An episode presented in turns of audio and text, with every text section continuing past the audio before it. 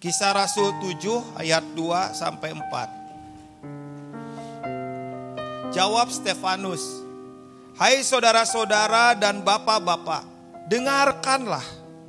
Allah yang maha mulia telah menampakkan dirinya kepada bapa leluhur kita Abraham ketika ia masih di Mesopotamia sebelum ia menetap di Haran dan berfirman kepadanya, keluarlah dari negerimu dan dari sanak saudaramu, dan pergilah ke negeri yang akan kutunjukkan kepadamu.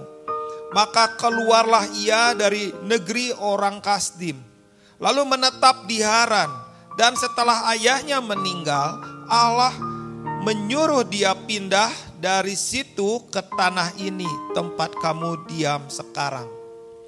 Dari ayat ini kita tahu bahwa Abrahamlah yang pertama kali mendengar suara panggilan Tuhan supaya pergi meninggalkan Ur Kasdim.